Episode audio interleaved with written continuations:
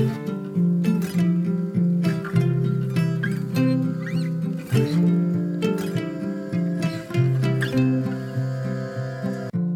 och välkommen till For Health med Anna Sparre. Eftersom allas vår uppmärksamhet är riktad mot Corona så blir också dagens avsnitt på temat. Vi kommer att prata om allt från forskning till vad man själv kan göra, risker, vad jag personligen tänker på, spännande ämnen i mat och växter som verkar vara effektiva mot det nya coronaviruset och en hel del annat. Om du är nyfiken efter avsnittet så hittar du mer information på forhealth.se. Du kan väl dela det här avsnittet med minst en vän och med en länk på Facebook som ditt sätt att både hjälpa dina vänner till en bättre hälsa och att hjälpa podden att överleva med allt sitt gratis innehåll. Och kom ihåg att ditt viktigaste bidrag är att lämna recensioner i iTunes. Tusen tack för detta! Glöm inte heller att boka mig som föreläsare till ditt event. Jag föreläser både för företag, föreningar och privata grupper.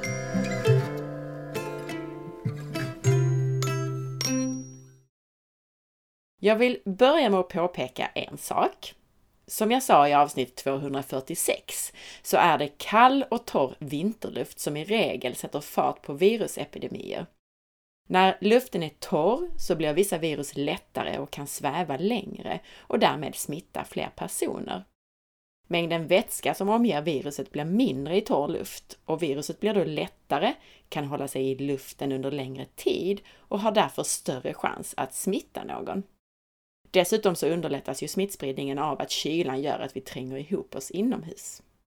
Så med det i åtanke tror och hoppas jag att det här klingar av i takt med att värmen kommer.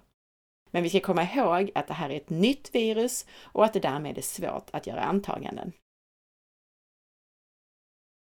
Det som händer i kroppen vid en virusinfektion, det är att viruset tar sig in i våra celler.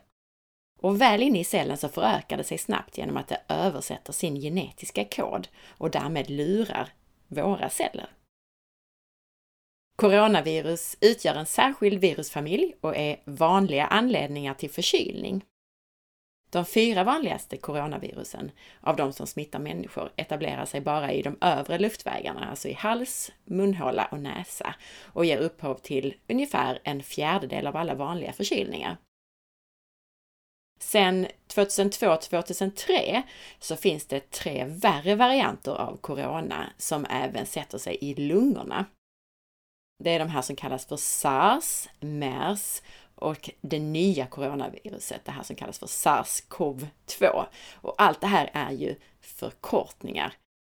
SARS, det vill säga SARS, står till exempel för Severe Acute Respiratory Syndrome. Det nya coronaviruset, det verkar föröka sig mest i näsa och hals snarare än i lungorna. Och det här gör att det är mindre farligt än sars och mers, men också mer smittsamt. För de flesta så är inkubationstiden, alltså den tid det tar från smittotillfället till sjukdomsutbrott, ungefär fem dygn för det här nya coronaviruset. Och det är mediantiden för utbrottet hos de fall som har granskats i en ny studie. Och så har man satt 14 dagar som någon slags säkerhetsmarginal. Men 97,5 av de som smittas började enligt den här studien uppvisa symptom inom 11,5 dagar. Så de flesta, för de flesta tar det alltså fem dagar att bli sjuka från smittotillfället. Men i en del fall så tar det upp till ungefär 12 dagar. De vanligaste symptomen på nya corona är feber, i 88 av fallen får man feber. Torrhosta, det får 68. Man blir väldigt trött. Det här händer för 38 av de smittade. Andningsbesvär för 19. Men även huvudvärk, halsont och frossa är vanliga symptom och en del kan också drabbas av diarré och andra magbesvär. 80% av de som får den här sjukdomen, alltså det nya coronaviruset, får milda eller måttliga symptom. och en del av de som får de mildaste symptomen upplever inte ens att de är sjuka. Hur svårt man drabbas beror på ens eget allmäntillstånd och hur stor virusdos som man utsätts för. Den vanligaste smittvägen, det är droppsmitta och det är alltså när folk hostar i huvudsak. Barn blir i regel inte så sjuka av det här nya coronaviruset, det vill säga ju yngre och friskare man är, desto mindre orolig behöver man i regel vara för sin egen hälsas skull. Barn uppvisade färre symptom än vad många vuxna gör i en studie. Barnen hade framförallt hosta, halsont och nästäppa, till skillnad från vuxna som även kan få muskel och huvudvärk och slöhet och i värsta fall även andningssvårigheter. Och inga av de här allvarligare symptomen drabbade alltså barnen. Dessutom så visade inget av barnen tecken till lunginflammation på de röntgenundersökningar som gjordes i den här studien, vilket annars kan vara en allvarlig följdsjukdom av covid-19, alltså det nya coronaviruset. Gravida kvinnor som bär på covid-19 tycks vanligen inte föra över sjukdomen till sina bebisar. Det visar i alla fall två kinesiska studier. Men samtidigt så verkar det som att många tar lite väl lätt på det här. Yngre människor är inte alltid säkra från sviterna av covid-19. Uppgifter från Centers for Disease Control and Prevention, USAs nationella folkhälsomyndighet, visar att nästan 40% av covid-19 patienterna i USA som var tillräckligt sjuka för att bli inlagda på sjukhus var mellan 20 och 54 år, det vill säga relativt unga. Dödligheten i den här gruppen är fortfarande mycket lägre än hos patienter som är 60 år eller äldre, men yngre patienter kan ändå få allvarliga komplikationer, inklusive allvarliga lungskador. Och en kinesisk studie visade att coronaviruset, alltså covid-19, kan färdas dubbelt så långt som det avstånd som officiella råd rekommenderar. 4,5 meter färdades viruset och det stannade i luften i hela 30 minuter. Och på ytor av olika material så kan viruset överleva i hela 2 till 3 dygn om förhållanden är gynnsamma. Den här studien har dock senare dragits tillbaka, men varför det förtäljer inte historien. Oavsett så tycker jag att man ska ta det här på allvar och vara väldigt försiktig med att vistas i trånga utrymmen eller tillsammans med mycket människor. Om inte annat för att skydda de äldre i vår befolkning. Som jag skrev häromdagen så haglar kritiken mot påstådda hälsokurer mot covid-19, både i Sverige och internationellt. Expressen sågade både Peter Wilhelmsson och Annika Dahlqvist. Båda som har varit med här i podcasten tidigare. Och BBC avfärdar vitlök och silver som myter. Det är kanske inte riktigt så enkelt som att den ena eller andra sidan har rätt i den här debatten, men man bör tänka på att det nya coronaviruset är just nytt. Och detta innebär att vi inte vet säkert om alla traditionella metoder fungerar även här. Det vi gärna vill göra det är att förebygga smitta och stärka immunförsvaret så att en eventuell smitta blir så mild som möjligt. Och det här bland annat genom att undvika brister på de näringsämnen som är viktiga för immunförsvaret. Men låt oss titta lite närmare på en del av det som skrivs här som kritik. BBC skriver om ett antal olika ämnen. Bland annat så skriver man om vitlök. Man skriver att lots of posts that recommend eating garlic to prevent infection are being shared on Facebook. The World Health Organization says that while it's a healthy food that may have some antimicrobial properties, there is no evidence that eating garlic can protect people from the new coronavirus. Och det här är ju alldeles korrekt. Vi vet inte mycket alls om det nya coronaviruset och så inte heller om just vitlöks effekt mot coronaviruset. Men vitlök har väldigt fina antimikrobiella effekter. Den har använts i tusentals år mot infektioner och det lär inte finnas några nackdelar med att få i sig lite rå vitlök var dag som ett skydd mot covid-19. Och faktiskt så har det också precis kommit en ny studie där man tittar in vitro på effekterna av olika växtpreparat mot just covid-19 viruset och eh, allicin från vitlök var ett av ämnena som undersöktes och det hade viss effekt mot viruset faktiskt. Jag kommer strax till vilka växter som var ännu mer effektiva mot viruset. Läs gärna mer om vitlök på forhealth.se där finns en sökruta där man kan söka efter vitlök, så har jag skrivit lite mer örtkunskap på ämnet. Och personligen så använder jag både vitlök, fläder, salvia och andra antimikrobiella örter. Och så även i coronatider. När jag lämnar min son i skolan nu här så plockar jag oftast ett blad salvia som jag tuggar på till exempel. Det är antimikrobiellt. Mer om de här växterna och annan örtkunskap hittar du via taggen örter på forhealth.se eller genom att använda sökrutan på forhealth.se. Och jag kommer som sagt strax att berätta mer, både om hur jag själv gör nu i coronatider och om studier på vissa växtpreparat mot just det nya coronaviruset. BBC fortsätter med sin kritik och eh, bland annat så kritiserar man även hemgjord handsprit. Jag tror att det viktigaste att komma ihåg här är att tvål och vatten är det absolut viktigaste och effektivaste sättet att undvika smitta. Självklart då tillsammans med att avstå att vistas bland mycket människor.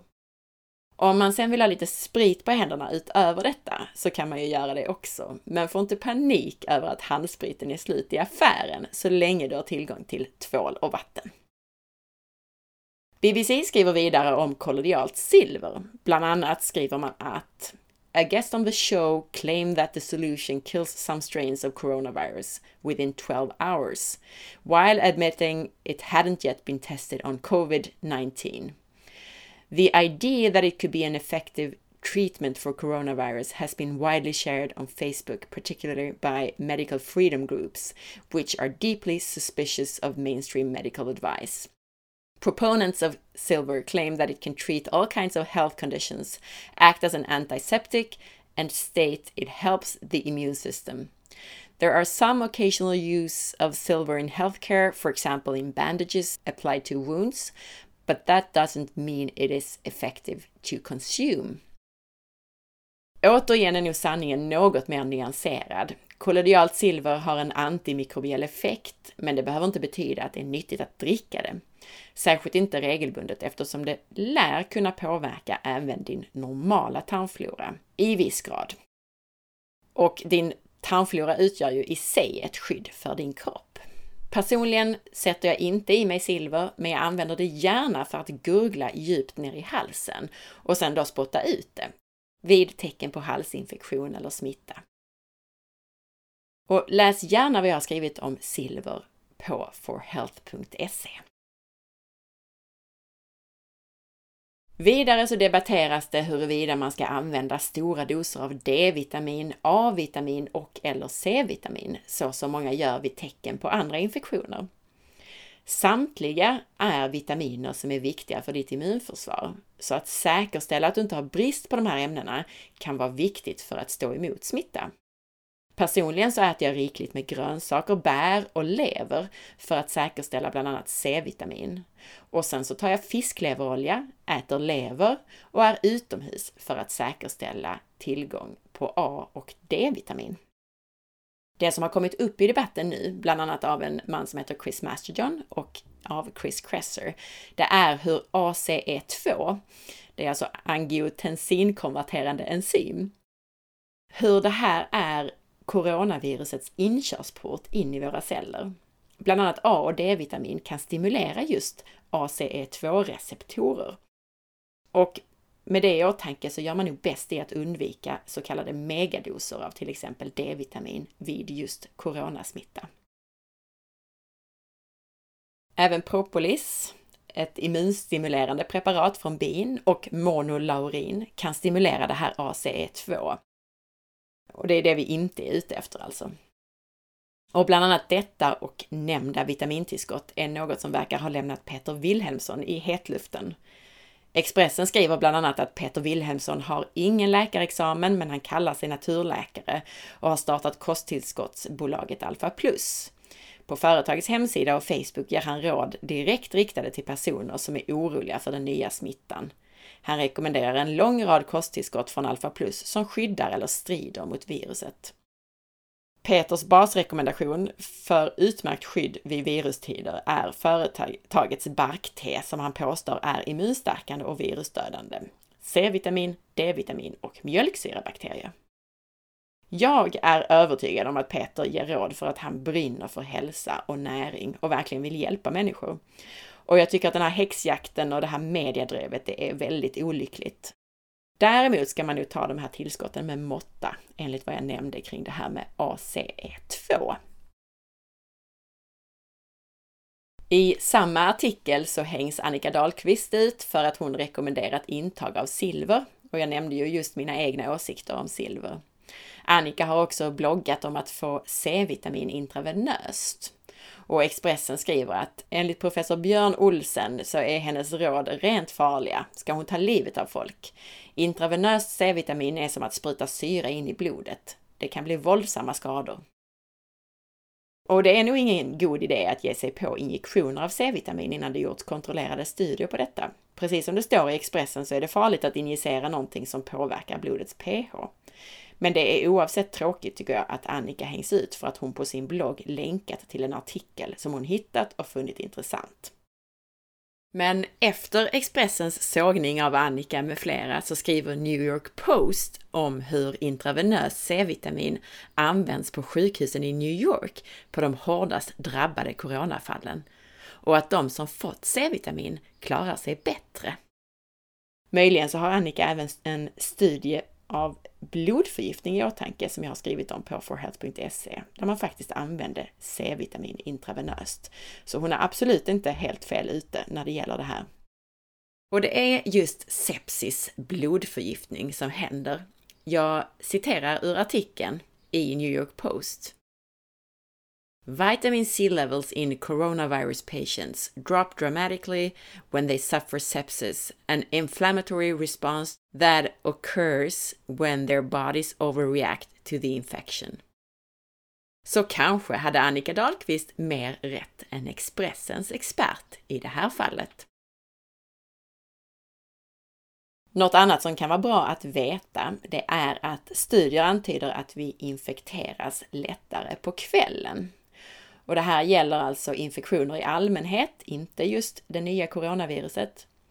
Tidpunkten för infektion kan ha stor betydelse för hur mottagliga vi är för sjukdom, eller åtminstone för virusreplikationen inne i cellerna. Vilket betyder att en infektion på fel tid under dagen kan orsaka en svårare akut infektion. Och personer som har en störd dygnsrytm kan vara mer mottagliga för virussjukdomar.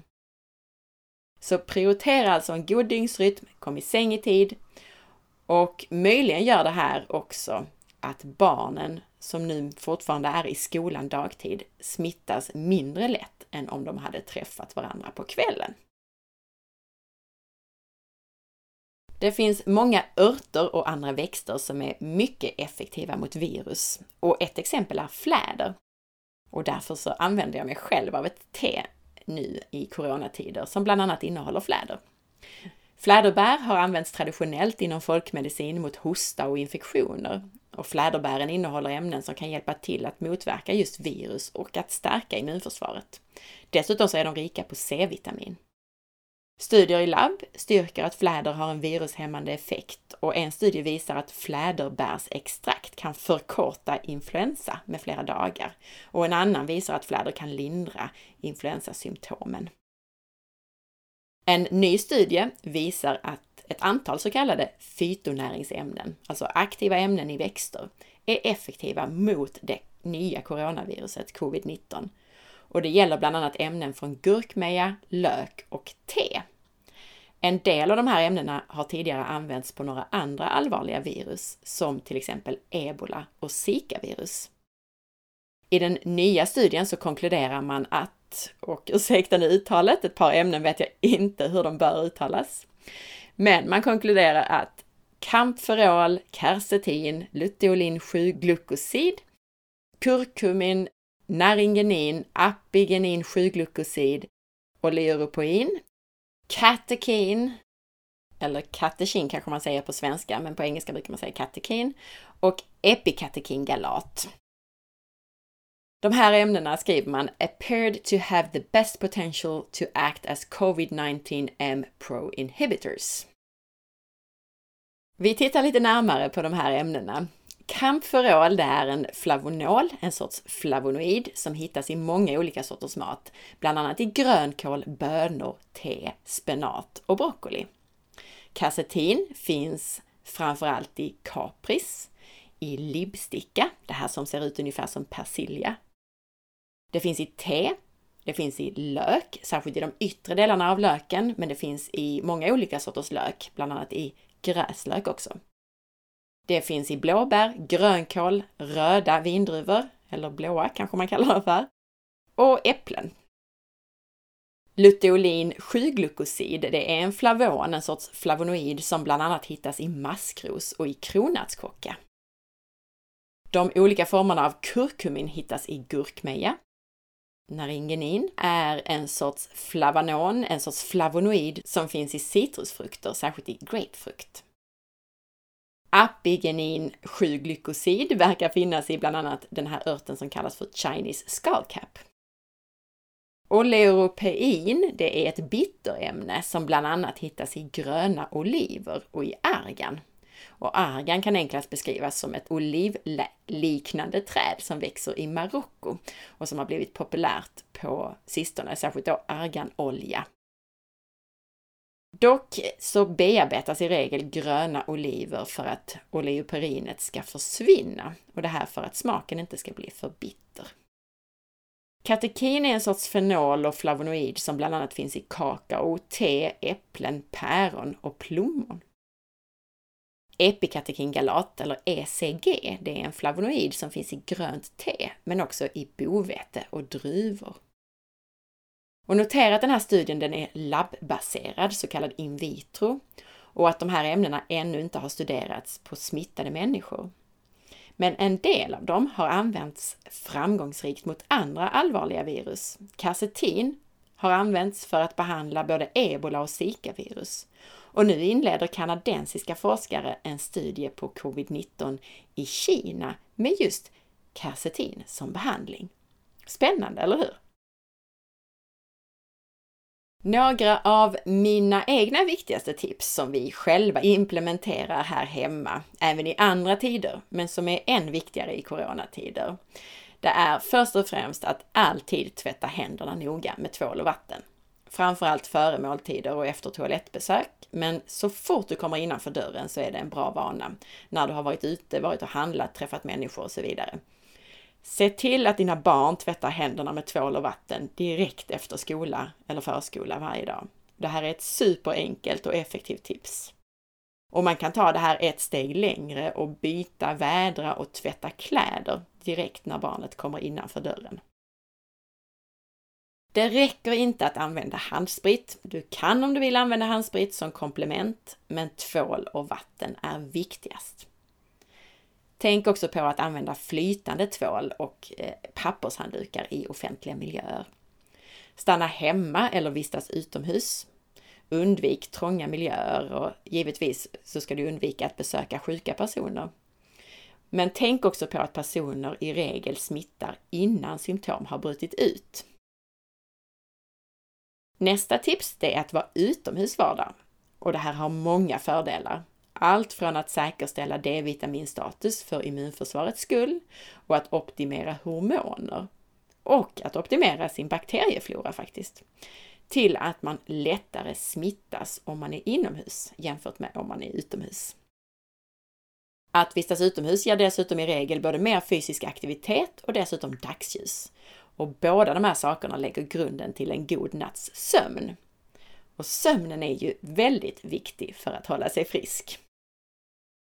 Så att gå och lägga sig i tid och att få sova sina timmar, det är nästa tips. Det finns många studier på sömn och risk för infektion. Några av de här har jag skrivit om på forhealth.se. Forskning visar nämligen att människor som sover för lite får en ökad risk att drabbas av förkylning. Och coronavirus är ju just en form av förkylningsvirus. Den som har sovit mindre än 6 timmar per natt kan ha ungefär fyra gånger så hög risk att bli förkyld jämfört med om man har sovit mer än 7 timmar per natt. Sömnen reglerar immunsystemet och för lite sömn är dessutom en påfrestning för kroppen. Ät näringstät kost, bra oförädlad mat med mycket grönsaker, mycket naturligt fett och animaliskt fullvärdigt protein. Ät gärna feta animalier som innehåller immunstärkande A och D-vitamin.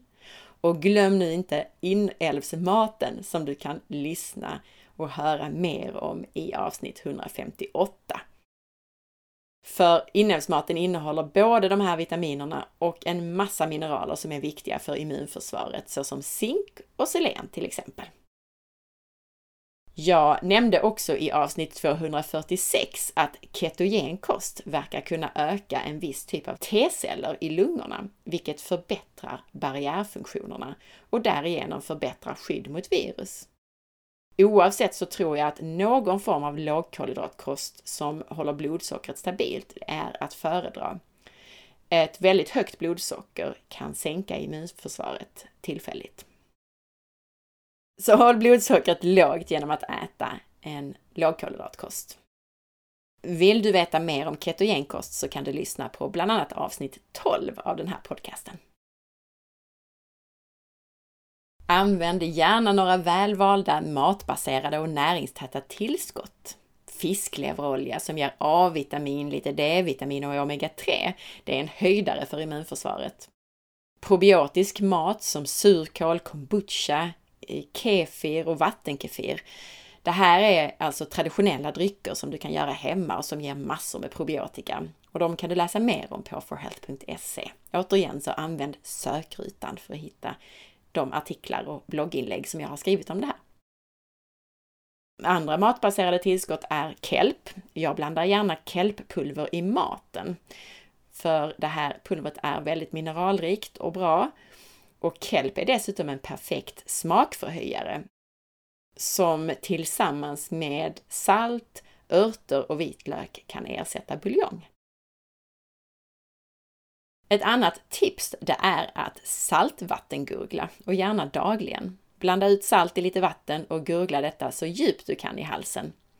Salt är framförallt antibakteriellt och jag är inte så säker på hur effektivt just saltet är mot virus, men att skölja mun och hals är definitivt ingen nackdel. Även om du skulle göra det med rent vatten utan salt också. Du kan också skölja eller gurgla kollodialt silver. Jag använder gärna silver på utvärtes sår, men med största försiktighet på insidan för att inte störa vare sig tarmflora eller mineralbalans i onödan. Men att gurgla och skölja mun och hals med silver och sen spotta ut det vid en misstänkt smitta, det verkar kunna vara väldigt effektivt.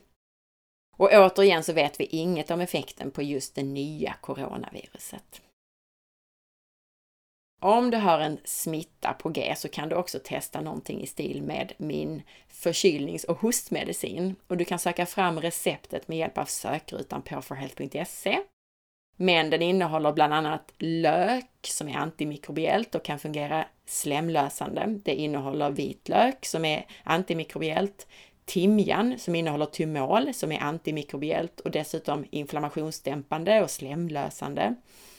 Det innehåller salvia som är antimikrobiellt och ingefära som är antiinflammatoriskt.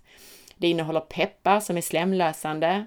Det innehåller citron och ibland så innehåller det även fänkål, anis och eller fläder. Och dessutom så innehåller det gurkmeja som är kraftigt antiinflammatoriskt och som ju då dessutom verkar ha en viss effekt mot just covid-19. Det lär hända mycket på området de närmaste veckorna, både när det gäller forskning och utvecklingen i världen. Läkemedelsindustrin har ställt om och just nu pågår omfattande försök att hitta effektiva läkemedel mot det nya coronaviruset. Det aktiva ämnet i malariamedicin verkar till exempel ha en god effekt i behandling av covid-19 patienter Läkemedlet verkar kunna skapa en kanal i cellväggen så att zink kommer in. Och just zink, om det då tar sig in i cellen, vilket det normalt inte gör på det här sättet, Det kan i alla fall blockera för viruset att komma in i cellen och föröka sig. Så med det här avsnittet är definitivt inte sista ordet sagt om det nya coronaviruset. Hur som helst, lyssna gärna även på tipsen i avsnitt 246 för hur man bäst håller sig frisk i virustider.